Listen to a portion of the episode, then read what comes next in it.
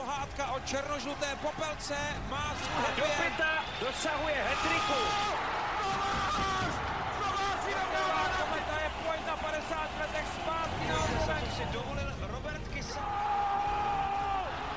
Jágr zvedá ruce k nebi. Kristianka dává gol a Plzeň má svůj titul. Pastalonista je to doma. Dobrý den.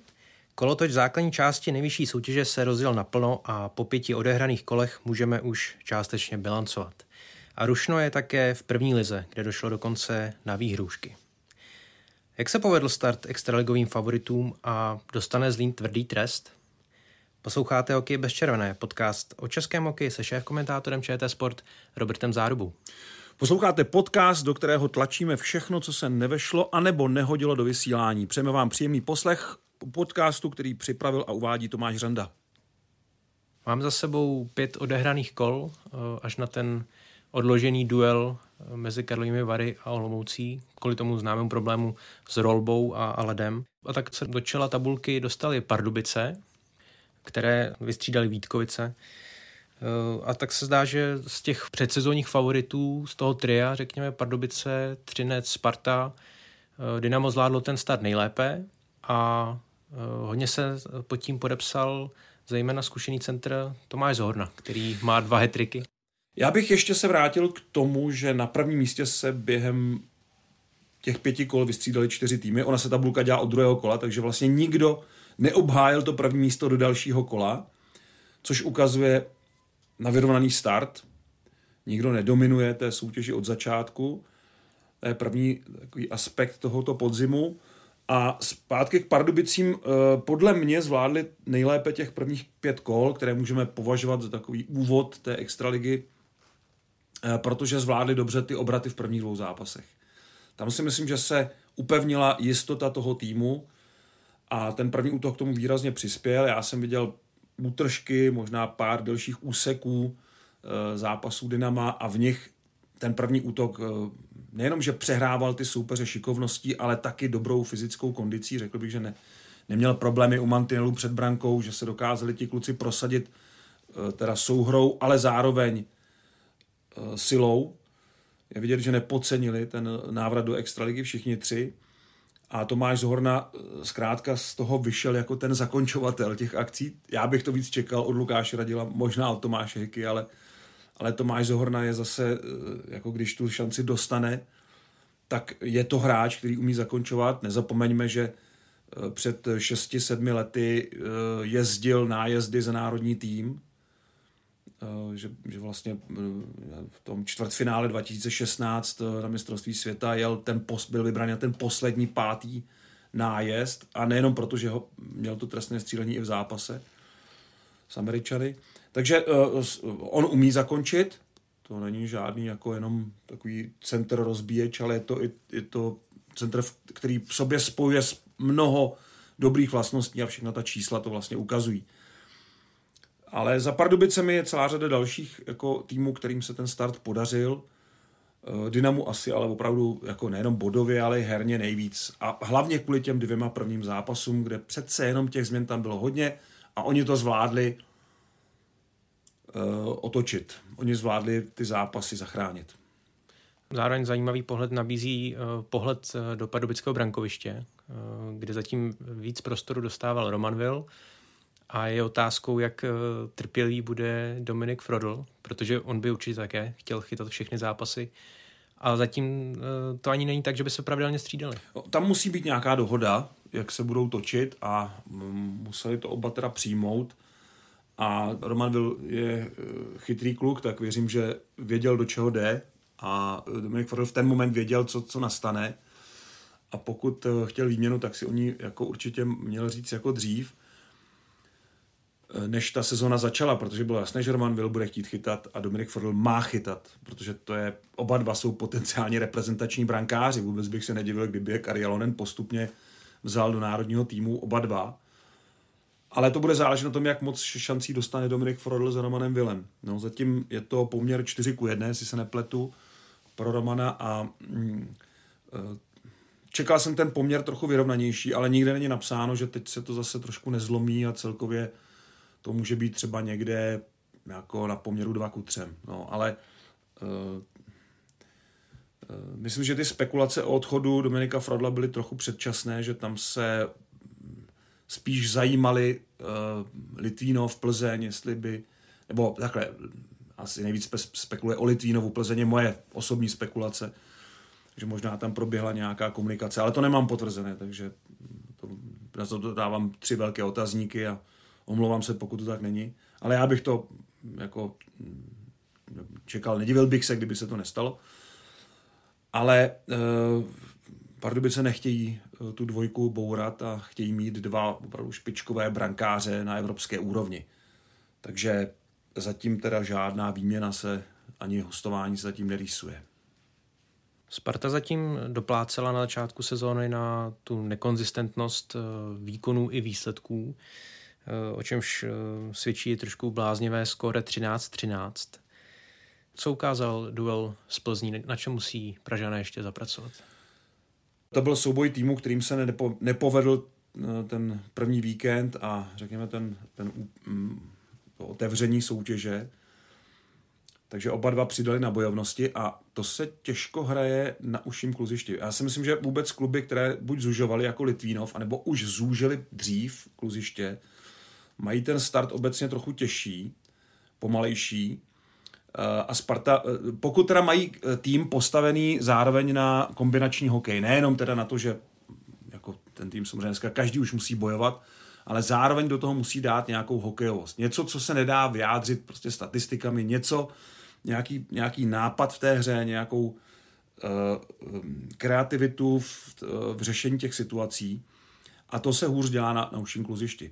A pokud uh, máme začátek sezóny a všechny ty týmy vypadají velmi dobře připravené, nikdo nezaostává jako v pohybu, to je vidět, že i ty týmy, které vyhrávají zápasy, tak nepřehrávají toho soupeře po víc než já nevím, 40% toho zápasu tam opravdu rozhodují krátké úseky už dneska, eh, hlavně na, na začátku té sezóny a na uším kluzišti zvlášť.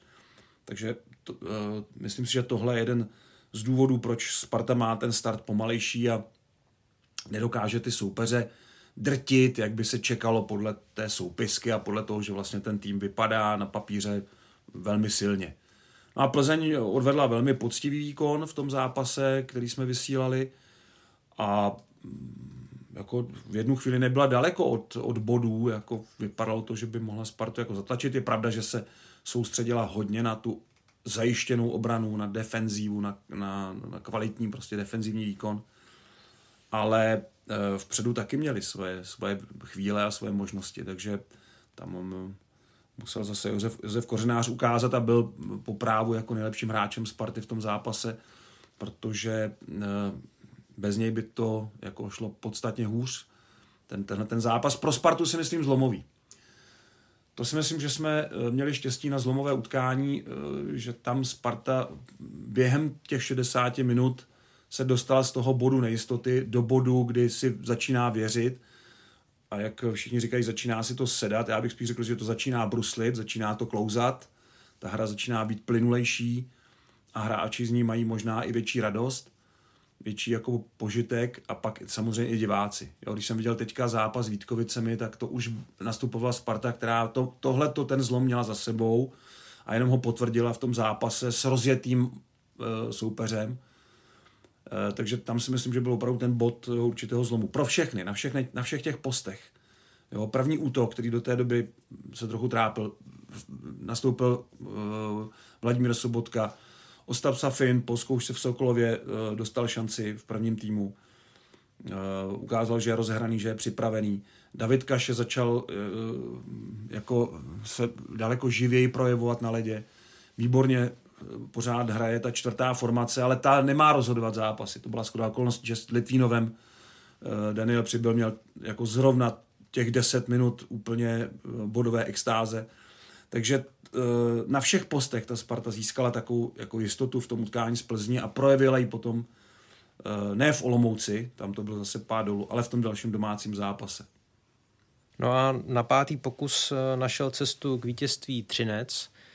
Oceláři se na začátku sezóny dost trápili, nedokázali najít právě tu cestu k vítězství a to se povedlo až v tom utkání v tom prestižním duelu s Kometou, kdy nakonec ten duel překlopili mistři na svou stranu.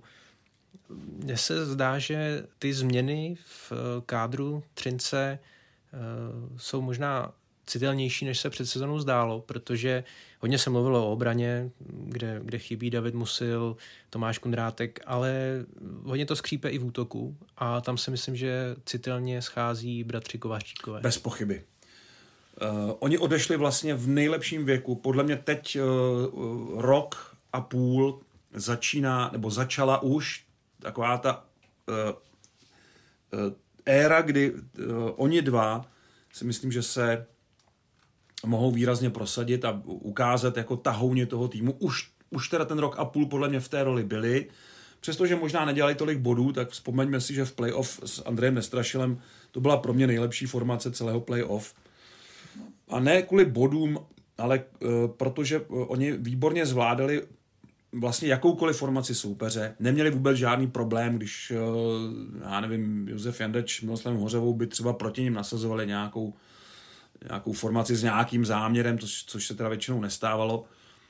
Ale oni by s tím asi neměli problém. Evidentně jim vůbec nevadila jakákoliv protihra a mentálně byli nastaveni opravdu tak, že jsou jako duše té kabiny a toho týmu. E, zároveň hodně, hlavně Michal teda přidali hodně na obětavosti. Prostě to byla, to byla opravdu jednotka, která tomu Třinci nesmírně prospívala poslední rok a půl. Říkám, možná ne tolik v bodech, ale určitě herně a, a, a tak jako psychicky, z hlediska nastavení nebo rozpoložení toho týmu. A e, tohle se zbořilo, tahle ta, tenhle ten pilíř se jakoby zbořil, nebo respektive odešel a ta náhrada není snadná a ti hráči si musí zase e, vypěstovat a navíc už ne pod Václavem Varaďou, což je další věc, si musí vypěstovat tu stejnou, ten stejný pocit. To není tak jednoduchý.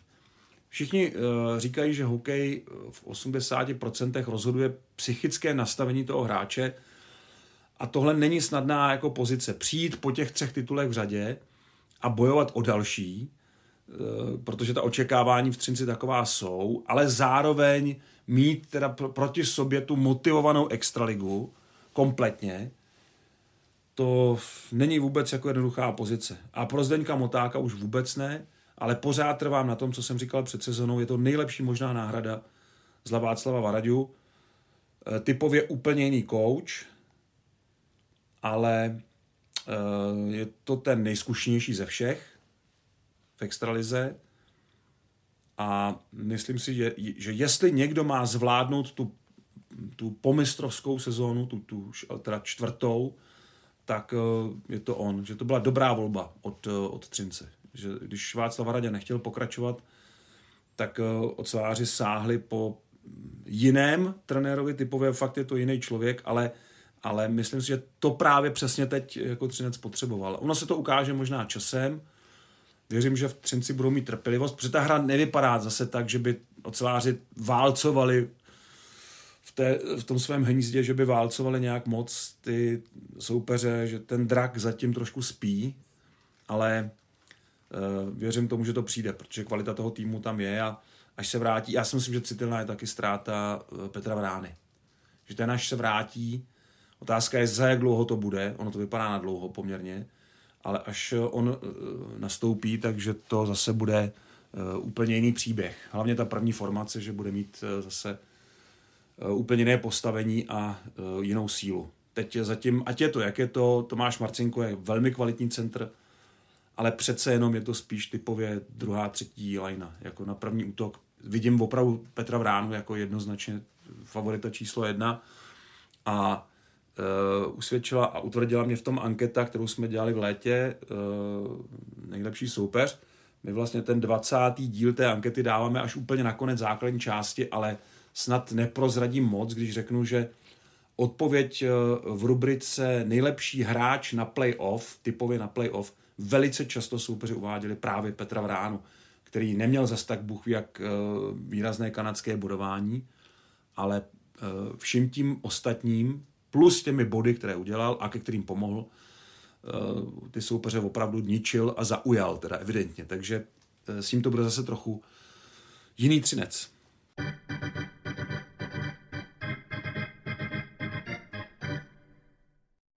Na ten pomyslný zlom eh, na začátku sezóny eh, stále čeká právě Kometa, řekněme takový čtvrtý tým vzadu za těmi třemi favority, protože eh, Kometa by se chtěla určitě vrátit do toho ranku těch hlavních favoritů. Přišlo před sezónou hodně reprezentantů a zatím se to stále tedy sedá.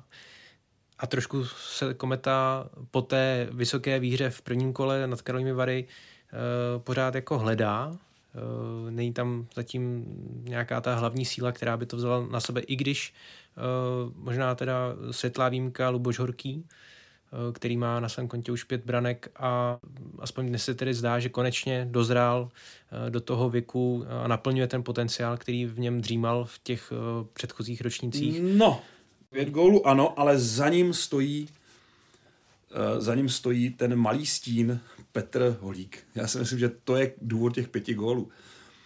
Pořád je to hráč, který umí připravit šanci v lize jako málo kdo. Řekl bych, že je to jeden ze tří nejchytřejších hráčů ohledně eh, vedení puku, krytí kotouče, ale taky schopnosti dostat ten puk přesně na to místo, kam to ten střelec potřebuje. Takže s ním to je přece jen trošku lepší a ta pravděpodobnost gólu je výrazně vyšší. Eh, v těch prvních kolech to drhlo hlavně proto, že ty nabídky Petra Holíka nedokázal Luboš Horký tak úplně realizovat, neboli zakončit. A těch pět gólů přichází až teď, no, ale eh, Kometa ale ze závislosti na prvním útoku se v tom prvním zápase, jak jsem to říkal, že se velmi rychle jako prosadila ta druhá formace, jenže Kim Stremberg se zároveň zranil, a tak eh, jsme tu zpátky ve stejné kaši jako loni, že Kometa potřebuje ty další útoky, potřebuje mít produktivnější a nemá je. Tam to opravdu skřípe. Tak hledá zase náhradu, teď se mluví o sami Salinenovi, eh, který by měl eh, do Komety přijít a nahradit zatím Kima Stremberga v tom druhém útoku, protože tam to evidentně nefunguje. Tam, já jsem viděl utkání Kometa Kladno, kde byl Adam Zbořil. Ta lajna byla velmi živá, jako blížek s flekem asi nebudou stát na místě, uh, jako když, uh, zvlášť když uh, trošku to hoří, jako bodově. Ale přece jenom to nebylo úplně ono. Na, tam nevidím takový ten soulad, takové to herní vyhovění si, jako, jako to bylo s Kimem Strembergem v tom, v tom prvním kole. Eh, to neznamená, že Adam Zbořil nemá v tom eh, týmu mít eh, nějakou jinou roli, že, že je neužitečný, ale, ale myslím si, že by bylo, že, že spíš tam typově by patřil prostě jiný hráč. Je velká škoda, že ho nemáme tady. A pak je tam ještě jeden otazník a to je zapojení Eduarda Šaleho do přesilovek. Podle mě by je měl hrát. Já si myslím, že, že by měl dostat víc šanci a dokonce i v té první formaci, protože on i při hře 5 na 5 má momenty, já tak nevnímám tu defenzivní činnost, se omlouvám, ale to bych se musel podívat uh, na podrobnější statistiky, ale uh, co jsem viděl zatím uh, jako v útočném pásmu a co je schopen jako při přechodu středního pásma udělat, tenhle sledovaný mladík, tak uh, myslím si, že dřív nebo později na to dojde.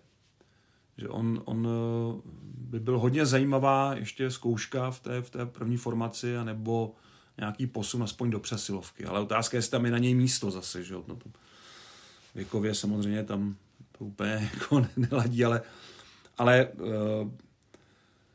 um, mě, mě zaujal teda svými výkony víc než Luboš Horký. Luboš Horký samozřejmě pět gólů, to se nedá jako, jako pořád, je to pět gólů, je to nejdůležitější statistika, ale vidím tam prostě velký podíl Petra Holíka, případně dalších hráčů eh, na těch gólech a uh, daleko víc mě teda zaujal uh, Eduard Čale.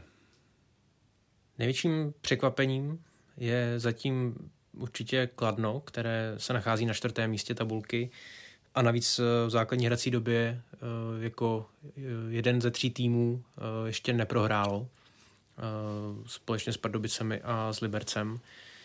A jestliže jsme se u Komety bavili o Luboši Horkem, který má pět gólů, tak pět gólů má v dresu rytířů taky Matěj Beran, a já jenom uvedu zajímavou statistiku, kdy loni za celou základní část uh, měl 10 branek, teď už je tedy uh, v polovině této mety a zdá se, že se Kladno dobře, dobře nastartoval, dobře připravil na ten začátek sezony a Jaromír Jágr tak nemusí úplně spěchat na ten návrat na let, tak jak avizoval před sezónou, že, že se během podzimu bude připravovat a až na základě, řekněme, výkonu a výsledků mužstva by případně uspěchal ten, ten návrat, ale takhle se zdá, že si to zatím vkladně sedlo. Já jsem zase viděl uh, Kladno v Brně a překvapilo mě, jak snadno se tam dostávali do šancí, jak uh, hráli jednoduchý hokej. Mě to trochu připomínalo Kladno v době, kdy tam začínali dominovat, ne hrát, ale dominovat uh, Vejvoda Patera Mikolášek, ta třetí lajna. Uh, to ještě bylo Poldy Kladno, myslím. Určitě měli tu Poldinku teda ve znaku a e, hráli vlastně strašně jednoduchý hokej, ale dostávali se jako strašně snadno do šancí. A tenhle ten pocit já jsem měl z některých těch akcí e, v brněnském rondu, nebo teď teda VG aréně, ze hry e, jako některých těch, e, některých těch hráčů, kde oni si dokázali dobře připravit pozici, dobře si eh, vyhovět v tom útočném pásmu, dobře se nastavit a pak z toho dokázali i něco proměnit, takže to byla úplně zasloužená výhra nakladně. To nebyla jako nějaká ubojovaná, udřená, upocená jako výhra, to bylo zasloužené vítězství. E, což mě teda překvapilo, protože jsem si myslel, že tam e, bude větší e, takový ten důraz na Eh, na, na to držet se zpátky a čekat a to vůbec, vůbec. A teď nevím, jak moc se v tom promítá ta nová spolupráce Jiří Burger, Otakar Vejvoda na střídačce. Já jsem se s Otou Vejvodou po zápase chvilku bavil, ale řešili jsme nějaké jiné věci.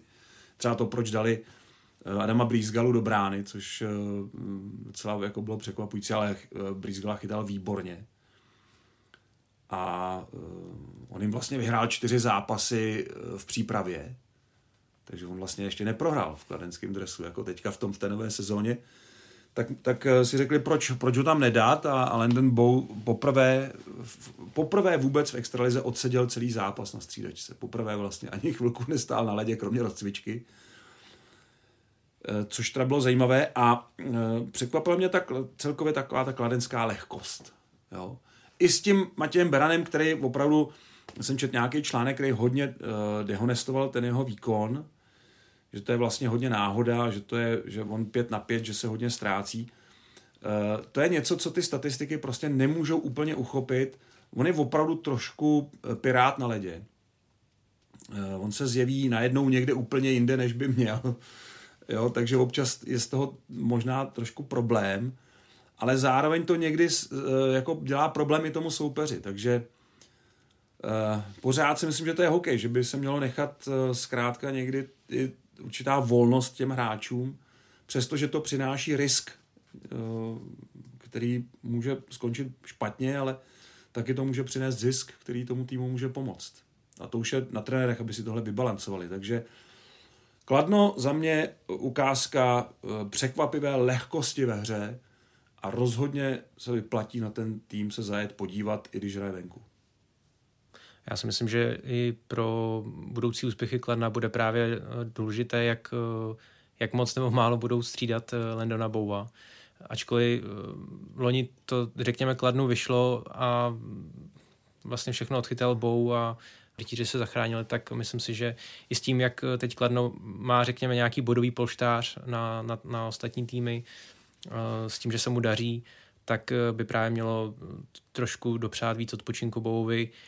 Samozřejmě je to ruku v ruce s výkony Adama Brýzgaly, ale mm, jak se ukazuje, tak eh, formu má slušnou a pokud bude odpočatý, tak eh, bude ještě, ještě daleko prospěšnější pro, pro Kladno, než když bude v tom velkém zápřehu. Mě tohle velmi zajímá, protože tomu se věnuju dlouhodobě, tomu nasazování brankářů, té rotaci a, a um, snažím se jako dívat i do historie a do zkušeností, uh, jaké jsou v dlouhodobých soutěžích jinde. A myslím si, že u nás konečně se začíná prosazovat taková ta rotace, brankářů, kde nemusí ta jednička chytat, dokud úplně nepadne, ale že se plánovaně nasadí dvojka na určitý zápas. Tak jako to udělal Kladno, jako to udělala Sparta, teď to udělali Vítkovice, že to nemusí být vždycky po tom, co ten tým jako nějak selže, nebo ten brankář dostane víc gólů a teď tam teda, teď je to české pravidlo, tak musíme střídat a do příštího zápasu jde dvojka. Že se dopředu určí nějaký plán a když říkám dopředu, tak to nemusí být před začátkem sezóny, kde se do rozpisu zápasu teda vyplní 52 eh, kolonek brankářů, ale eh, s týdenním, dvoutýdenním předstihem eh, se udělá nějaký plán a pokud se nic nestane, tak ten plán se dodržuje. Ono už to, není to novinka téhle sezony, některé kluby už to dělají, abych byl spravedlivý, to zase jako jasný.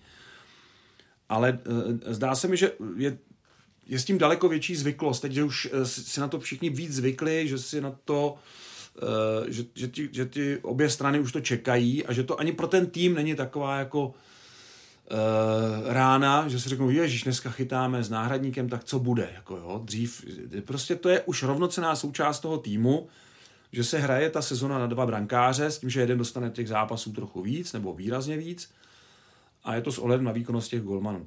A že jsou ti kluci na to připravení, na všech těch frontách ať už teda v brankovišti, anebo teda na, na, na, na ostatních částech hřiště, na dalších postech.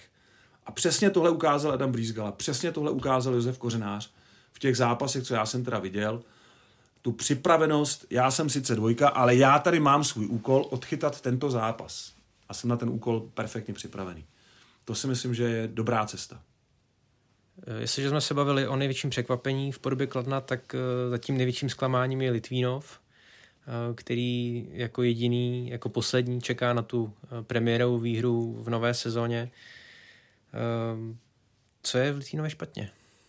Kromě teda ofenzivy, která hodně drhne a, a góly tam prakticky dává jenom Andrej Kudrna. Škola. Škola. Tam prostě ze školy. Uh, to je už jako starý příběh. Litvínov byl vždycky postaven na vlastních odchovancích, kteří v Litvínově chodili do školy, z té školy chodili na zimák a e, svůj život e, upínali víc k tomu zimáku, než k té škole. Ale tu školu tam e, odchodili. To je prostě ta generace spolužáků z Nagana, ale i potom těch generací ještě furt pořád tam byli ti kluci, a aspoň teda z regionu, jako Viktor Hýbl nebo František Lukeš, kteří nejsou mm, originálně z Litvínova, ale eh, v té škole se prostě ta, v posledních 20 letech těch talentů urodilo strašně málo. Mnohem méně než dřív a ten tým byl je existenčně závislý podle mého soudu na vlastních odchovancích. A eh, Pavel Hinek s Vladimírem Růžičkou se teď snaží uh, udržet ten klub i s těmi polskými penězi, se snaží udržet ten klub v extralize vlastně v, tom, v té nové době, v tom uh, vlastně těžkém příběhu, v kterém uh, nemají tolik odchovanců, jako měli dřív. Uh, litvínovských anebo krajových.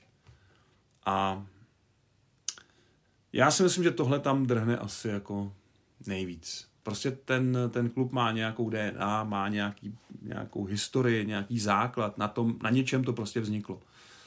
A ten skončil tím titulem v roce 2015, tenhle příběh. A od té doby eh, je to vlastně taková eh, snaha zabránit katastrofě, zabránit prostě sestupu.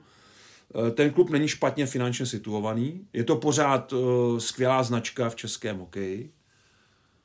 Možná dokonce i v tom evropském. Pořád je to jako místo, kde se narodila a vyrostla celá řada vynikajících hokejistů ale nevím, jestli dlouhodobě se dá udržet ten koncept uh, těch jako posil, ten sběr uh, posil odinut. A, a ti kluci tam někteří dělají, co můžou, to zase jako, no, ale aby, aby to stálo na lotyšské obraně, a to jsou jako, ti, ti hráči jsou jako výborní, jsou to reprezentanti, mají za sebou starty na mistrovství světa. Ale ten klub potřebuje mít daleko větší jádro z vlastních odchovanců, z vlastních hráčů. A to nebude snadné, protože pokud odchovají někoho nadprůměrného, jako byl Jan Mišák, tak jim vlastně odejde. Tam jde o to, aby se jim ti hráči vraceli. Vlastně vydat se podobnou cestou jako Sparta třeba, která dokázala pár svých hráčů, nebo Pardubice, pár svých hráčů, které vlastně prošli tím klubem, anebo dokonce ten klub vychoval, tak se mu vrátili teď, v posledních letech a ob, nalepili se zpátky na to jádro a vytvořili tu identitu toho klubu a tu duši toho té kabiny. A tohle si myslím, že je v Litvínově problém. Jistě bychom našli celou řadu herních věcí, jak poskládat ten tým, kdo tam hraje špatně a tak, ale dlouhodobě si myslím, že tohle je ta bolístka. Černožlutá.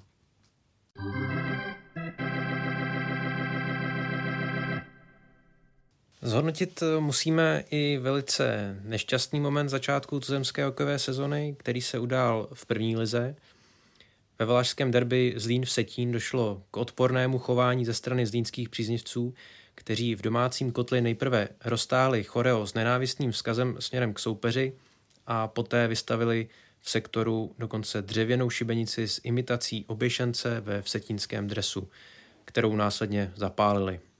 Ostudu navíc završili použitím pyrotechniky uvnitř kotle. Jednatel zlínského klubu Tomáš Valášek k politování hodné události uvedl – Vždycky, když se stane nějaká taková věc, tak je to řetězec nějakých chyb. A dodal, že na vině je vedení klubu i bezpečnostní služba. Samozřejmě eh, po té události se to eh, lehce hodnotí, ale eh, tady došlo k hrubému podcenění potenciálně rizikového zápasu, zejména tedy s ohledem na bezpečnost diváků a všech přítomných. Tady by měl přijít nějaký exemplární trest. Přiznání je polehčující okolnost, to budeš řečeno ke cti, ale tím to eh, kladné hodnocení končí. Zlín to opravdu velmi eh, podcenil. Nevím, co si představoval od prvního valašského derby, že to bude jako pohodové setkání dvou kamarádů. to asi, nevím, jestli bylo možné takhle eh, čekat. Údajně ten transparent nebo celý ten incident iniciovali nikoli v klasičtí hokejoví fanoušci, ale část těch fotbalových, která se přesunula na zimní stadion. To ale nic nemění na tom, že si to měli za prvé fanoušci ohlídat sami, za druhé, pokud si to nemohli ohlídat sami nebo si na to netroufli, měla to řešit pořadatelská služba. Pokud by došlo ke k tomu, že pořadatelská služba by byla v takovém počtu, že by se na to netroufla, měla eh, řešit, tohle řešit policie, protože eh, výzvy k násilí, já nemám problém s vtipnými transparenty, i s ostřejšími eh, vzkazy soupeři, ale výzvy k násilí nebo oslava násilí na transparentech nebo při choreografiích, jestli se vůbec dá to pálení oběšeného panáka považovat za nějaké choreo, Eh, proti tomu nemám eh, nic, ale proti těmto projevům rozhodně každý slušný a normální člověk musí vystoupit. Eh, je nemyslitelné, že by se něco takového jako přešlo. To, to prostě nikdo nemůže jako nechat, že to je jo, tak fanoušci a mávnout nad tím rukou. Jestli takhle někdo bude uvažovat, tak příště opravdu se může stát, že tam opravdu, nechci říct někoho oběsí, ale tam dojde k nějakému fyzickému napadení a jestli tohle chceme na hokej, tak, eh, tak já teda z toho vystupuju. Já prostě si myslím, že tohle vůbec na hokej nepatří. tihle idioti, kteří tohle tam eh, byli schopni dát dohromady, tenhle ten nápis, eh, ať se realizují jinde, ale na hokej si myslím, že vůbec nemají co dělat. A myslím, že obecně ve sportu nemají co dělat. Eh, jestli to měl být pokus o vtip, tak eh, velmi nepodařený a tady nelze čekat než eh, nic jiného než přísný trest. Bohužel pro ten klub, který tohle zkrátka neodhadl správně nebo nezareagoval správně. Disciplinárka to rozhodnutí odložila, mm, ještě si vyžádala další podklady, leč myslím si, že je to obrovská škoda a obrovská chyba, která nemůže prostě zůstat bez povšimnutí a bez reakce Českého svazu ledního hokeje, který je organizátorem šance ligy, takže musí zasáhnout. Bohužel na to doplatí tak jako ve většině případů ti slušní fanoušci, pokud dojde k, k uzavření části stadionu nebo případně celého zínského stadionu, jakož to tak bývá. Zarážící je, samozřejmě přístup bezpečnostní služby, která dovolila fanouškům nebo části těch fanoušků to, že pronesli do útrop stadionu konstrukci dřevěné šibenice, to mi přijde jako neuvěřitelný nonsens eh, ve chvíli, kdy vás prohledávají po kapsách a eh, vlastně na ostatních stadionech eh, vás nutí ponechat jídlo, pití před vstupem na stadion a tady se no, pronese ale taková věc. Ve Zlíně to takhle úplně si myslím nefunguje. Je, je docela jisté, že s pádem do šance ligy se taky mm, ten klub musel podívat na náklady na, na, organizá, na tu organizátorskou nebo tu pořadatelskou službu, takže je možné, že tam byla v trochu jiném počtu a s jiným vybavením než eh, na Extraligu. Já mám pocit, že tam teda ty osobní prohlídky nejsou zas tak uh, důsledné, ale dobře, když už se tam teda něco jako proneslo, tak eh, zkrátka pokud eh, se tam začalo, jako pokud tam někdo rozdělal oheň a začal pálit šibenici na, na tribuně, tak tam už pořadatelé skutečně musí zasáhnout. Tam jde i o bezpečnost ostatních diváků a, a vůbec jako lidí přítomných na té události. A samozřejmě měli zasáhnout proti tomu transparentu. To jak, jakkoliv je to těžké eh, a jakkoliv možná uh, nikdo netušil, že by něco takového se tam mohlo jako objevit. Uh, bohužel, no, ty následky samozřejmě ponese domácí klub, je to organizátor toho zápasu a za tohle mm, nese odpovědnost. Jakkoliv si umím představit, že ta pořadatelská služba třeba v tu chvíli měla spoustu jiných dalších starostí. Jo, věřím tomu, že tam to nebyla parta strejců, kteří se koukali na zápas ale bohužel měli prostě mm, lépe odhadnout situaci a když už se jim to nepořelo, lépe zasáhnout. Třeba i při volání policie. Zároveň mě osobně dost eh, překvapilo použít pyrotechniky, které jsem na zimních stadionech eh, dlouho neviděl. Myslím si, že už eh, se to tomu hokejovému prostředí podařilo vymítit tyhle, řekněme, spíš fotbalové prvky. Navíc v, uzavřené, hmm. v uzavřeném prostoru, v uzavřených arénách. A zase je tady takový závan těch eh, starých eh, časů. Mm, ano, v 90. letech jsme mnohokrát zažili přerušení zápasu, nahlášené bomby a tak dál. Podobné jako výstřelky. A doufám, že teda ani šance Liga se nechce do téhle doby vracet. To by jako ničemu a nikomu ne, jako neprospělo. Atmosféra na hokej má být Eh, má být hlučná, má být eh, na hranici nějakého vkusu, možná někdy se dostane i pod něj. To bych všechno bral. Už jsem na hokej eh, viděl a slyšel ledacos, ne všechno se mi líbilo, nemám rád jako takové to tupé urážení soupeře. Nevadí mi ale jako vtipné slogany směrem k soupeři, přestože jsou lehce vulgární. Tohle ale je úplně za tímhle vším. To je úplně jako přílet eh, z jiné planety. Je to možná i zároveň do jisté míry eh, důsledek toho sestupu Zlína. Taková ta frustrace části fanoušků ze sestupu, eh, No, kdy tak já nevím, se... tohle mělo být valašské derby první po strašně dlouhé době v soutěži, ne teda jako přátelský zápas. A mělo to mít úplně jiný průběh, jako z hlediska toho, té atmosféry a myslím, že i hráči to vlastně tak vnímali, že on, jich se až tak nedotkla ta, tahle událost, která se stala v hledišti, ani ten transparent, takže oni měli pocit, že ta atmosféra je tam výborná, jak jsem tak poslouchal Pavla Kubiše, což si myslím, že je, je soudný, rozumný kluk. Ale zkrátka tohle to je spíš jako věc toho hlediště, kde se, kde se tohle stalo. Nevím, jestli to je věc frustrace toho pádu do, do šance ligy. Já si to nemyslím.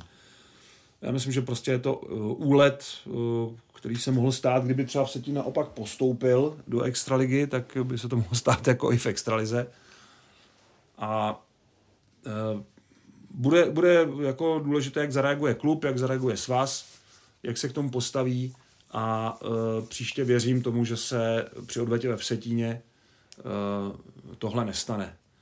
Tam samozřejmě bude jiný problém, že ten stadion je hodně malý a tam jako trošku obávám, aby, aby zase nedošlo k nějakému fyzickému střetu těch fanoušků, ale doufám, že se po téhle zkušenosti všichni trošku jako zmírní a e, přestože ten zápas samozřejmě bude vyhrocený, protože to bude každé derby těchto dvou týmů, takže to, e, že to nepřeskočí do nějakého hloupého incidentu, který by zase poškodil oba dva kluby a, a, a to je ten, tohle jejich jako soupeření, které už teda trvá od těch 90. let.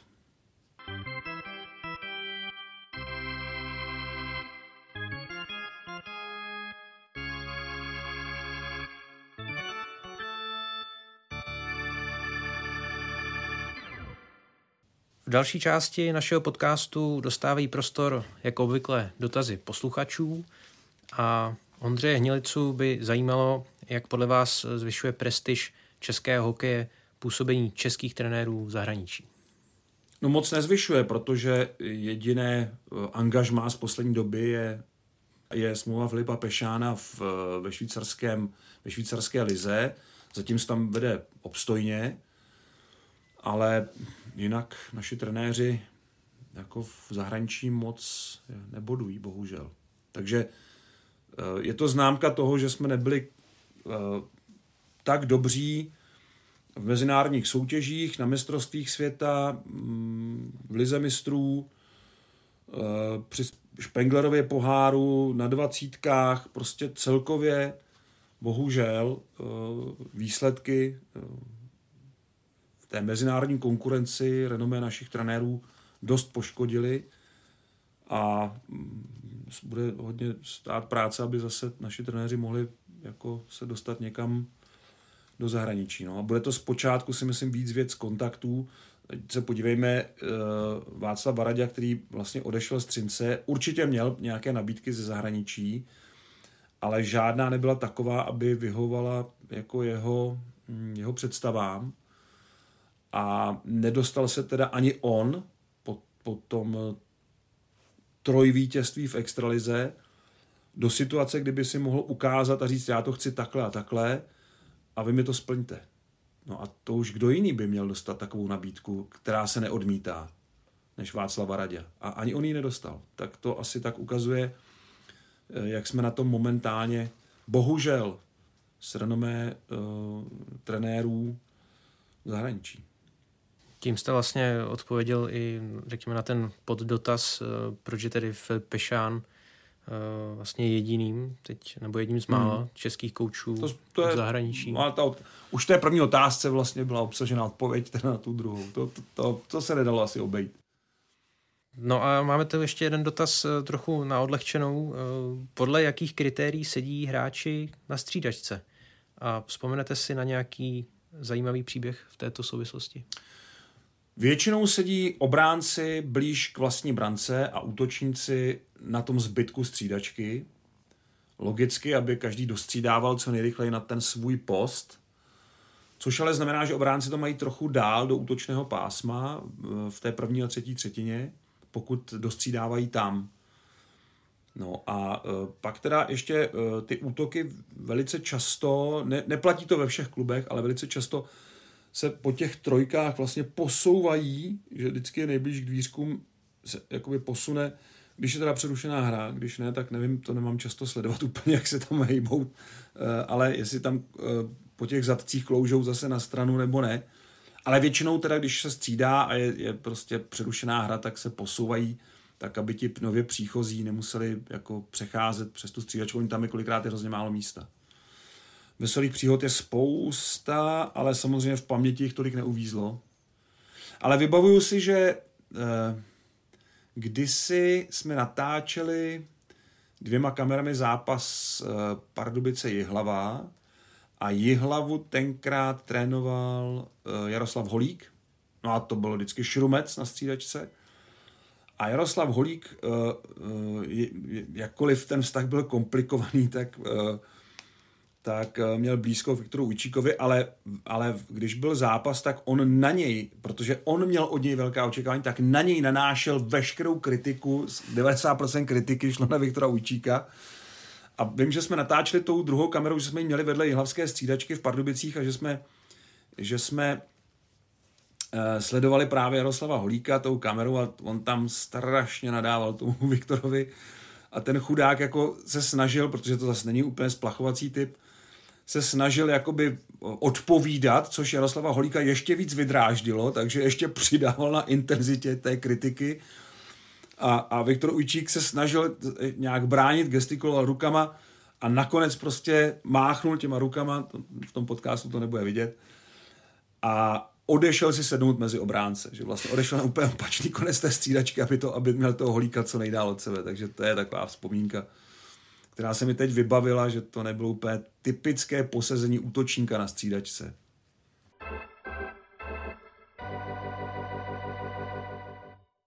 v závěrečné rubrice se tentokrát zaměříme na neobvyklé momenty. Jaké zvláštnosti nabídl start Extraligy? Zajímavé je, že jsme ještě v pěti kolech neviděli gól v první minutě. Hm, ukazuje to na výbornou přípravu týmu na začátek zápasu, protože vždycky tam tom prvním střídání se většinou stane nějaká chyba poziční nebo, nebo herní. Ale od roku 2009 poprvé nemáme v prvních pěti kolech gól do 60. sekundy zápasu. To je první zvláštnost. Druhá, další věc, která se týká soustředění a síly týmů, zatím padly v oslabení jen dva góly. Jenom dva týmy skorovali při vlastním oslabení, což průměr je tak eh, za těch pět kol prvních zhruba pět gólů.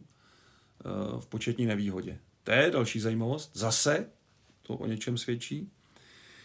Třetí věc, eh, zatím padl jediný trest, ale já nevím, jestli ten zápis ještě se kontroluje, když natáčíme teďka ten podcast. Je to z toho západu českého derby Plzeň Karlovy Vary. Tam padl první trest do konce utkání. Michal Houdek dostal eh, podle toho zápisu je to trest ve hře, ale když se podívám do statistik trestů ve hře, tak tam není ani jeden, tak eh, nevím, jak to, jak to je myšleno, jestli dostal za tu bitku jenom pět minut, anebo jestli dostal pět minut plus do konce utkání. Pak by to byl první trest, eh, vyšší trest jako do konce utkání v téhle sezóně. Za pět kol je zajímavé, že teda nepadl žádný jiný, že se teda i při tom konfliktu to byl Hradec nakladně, že se tam spokojili rozhodčí jenom teda s pětiminutovými tresty, už protože to asi bylo po skončení zápasu takže tam taky nepadl trest do konce utkání, takže Michal Houdek by měl mít, ale otázka je, jestli to bude potvrzeno, ten zápis ještě není uzavřen. První hráč, který dostal trest do konce utkání, což je zajímavé, protože on byl prvním hráčem vyloučeným do konce utkání i v roce 2019, takže stejný hráč uh, zahájí tuto statistiku, což uh, je docela zvláštní. On má teda nakročeno, pokud to bude platit, má nakročeno na hodně vysoký počet trestných minut. Uh, tak je to borec, který takhle prostě hraje, no. Tak uh, i takový prostě musí být, OK, ta Extraliga musí takové mít. Uh, to je číslo tři, uh, bych to ne, neskazil jako minulé, kdy jsem zapomněl na dvojku a už ani nevím, co to bylo, ale omlouvám se zpětně za to vynechání čísla dvě. Uh, číslo dvě dnes je velká uh, rošáda, velký, ani není velká rošáda, to je, to je několik velkých a malých rošád Eh, na trenérském postu v extralize. My jsme o tom zatím tak úplně nemluvili. I to je jedna z příčin eh, toho startu některých týmů. Sedm klubů vyměnilo v létě trenéra. Sedm klubů. A to ještě eh, ten osmý, Olomouc, vlastně povýšila Jana Tomajka z té pozice, řekněme, asistenta nebo asociativního kouče do role hlavního kouče. A k tomu ještě Plzeň po dvou kolech vyměnila, vyměnila trenéry. Takže Eh, vlastně de facto 9 klubů ze 14, tedy výrazná většina, nebo většina, jasná většina, vyměnila trenéry v posledních třech měsících. To taky eh, je eh, docela neobvyklé. A číslo jedna, a to je opravdu rarita, rekord, myslím si, že historický, nejenom český, ale historický, Liberec prodlužoval prvních pět zápasů v téhle sezóně. Pět remíz na začátku sezóny, mm, to bych musel trošku víc zapátrat eh, v záznamech, ale, ale uh, protože tady to zároveň na to navazuje to prodloužení případně nájezdy, tak to má ještě o to, eh, tenhle ten rozměr, v tomhle případě časový rozměr navíc, protože Liberec už má skoro půl zápasu odehraného navíc oproti ostatním, takže to je pro Bílé tygry opravdu rarita, jaká se nevidí často a jsem zvědav, kde tenhle remízový král se zastaví. Přitom Eh, jestli se nepletu, tak Liberec byl nejhorší v počtu extra bodů v minulé sezóně z celé extraligy, takže asi si to chtějí natrénovat tam, aby byly lepší letos, tom získávají, nevím, ale každopádně tohle je číslo jedna ve zvláštnostech eh, startu extraligy této sezóny. Tak to je z dalšího dílu podcastu Hokej bez červené všechno. Na závěr ještě upozorníme na 50-leté výročí utkání mezi Československem a Kanadou po sérii století, které si můžete připomenout v rámci archivu Z v pátek 30. září od 23.10 bezprostředně po debatě expertů v Buli. No a já jenom připomenu, že my jsme vysílali na začátku sezóny dokument poprvé, který je věnovaný tomuhle zápasu a Archiv Z ukáže celé to utkání přesně 50 let poté, co se odehrálo 30. září 1972 v Pražské sportovní hale a vysíláme ho pak ještě v sobotu a v pondělí, kdyby to někomu uniklo. A samozřejmě bude na i vysílání, stejně jako ten dokument, pokud by se někomu nechtělo, ten zápas je dost rozvleklý, má strašně moc přerušení. Eh, kdyby se mu ne, ne, někomu nechtělo sledovat celé to utkání, plus besedu, kterou máme před eh, v přestávkách a po zápase eh, s třemi aktéry a maserem týmu, Harry Martinkem, tak kdyby se někomu nechtělo sledovat celý tenhle ten dlouhý archiv Z, tak si, tak si může pustit znova ten dokument poprvé. Všechno by to ještě mělo být na i vysílání. No a já připomínám, že naše podcasty najdete na webu čtsport.cz, ve všech podcastových aplikacích nebo na YouTube a my se budeme těšit zase příště. Příště u Hokej bez červené přejeme vám hezký hokej, kdekoliv se na něj podíváte a už abychom si ho taky zahráli.